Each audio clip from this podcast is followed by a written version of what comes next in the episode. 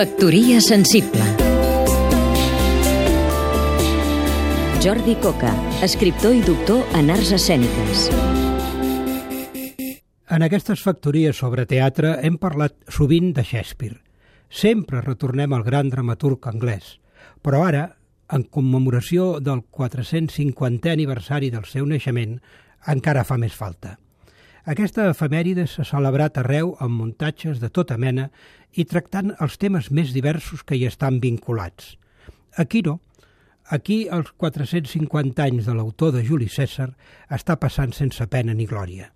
En canvi, tal com es proclama Stratford, sembla veritat que el món seria més pobre sense Shakespeare.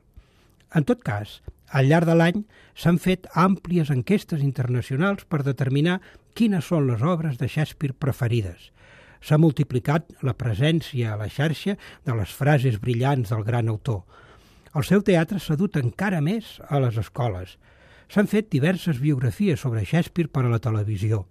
S'ha estudiat el tractament de l'astronomia que hi ha en els seus textos.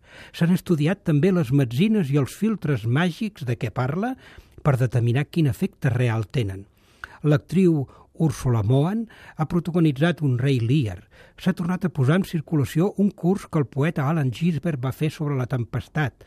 Hi ha revisions constants de les grans versions cinematogràfiques sobre les seves obres. Els grans actors i les grans actrius tornen a fer Shakespeare, perquè Shakespeare no s'acaba mai. Factoria sensible Seguim-nos també a catradio.cat.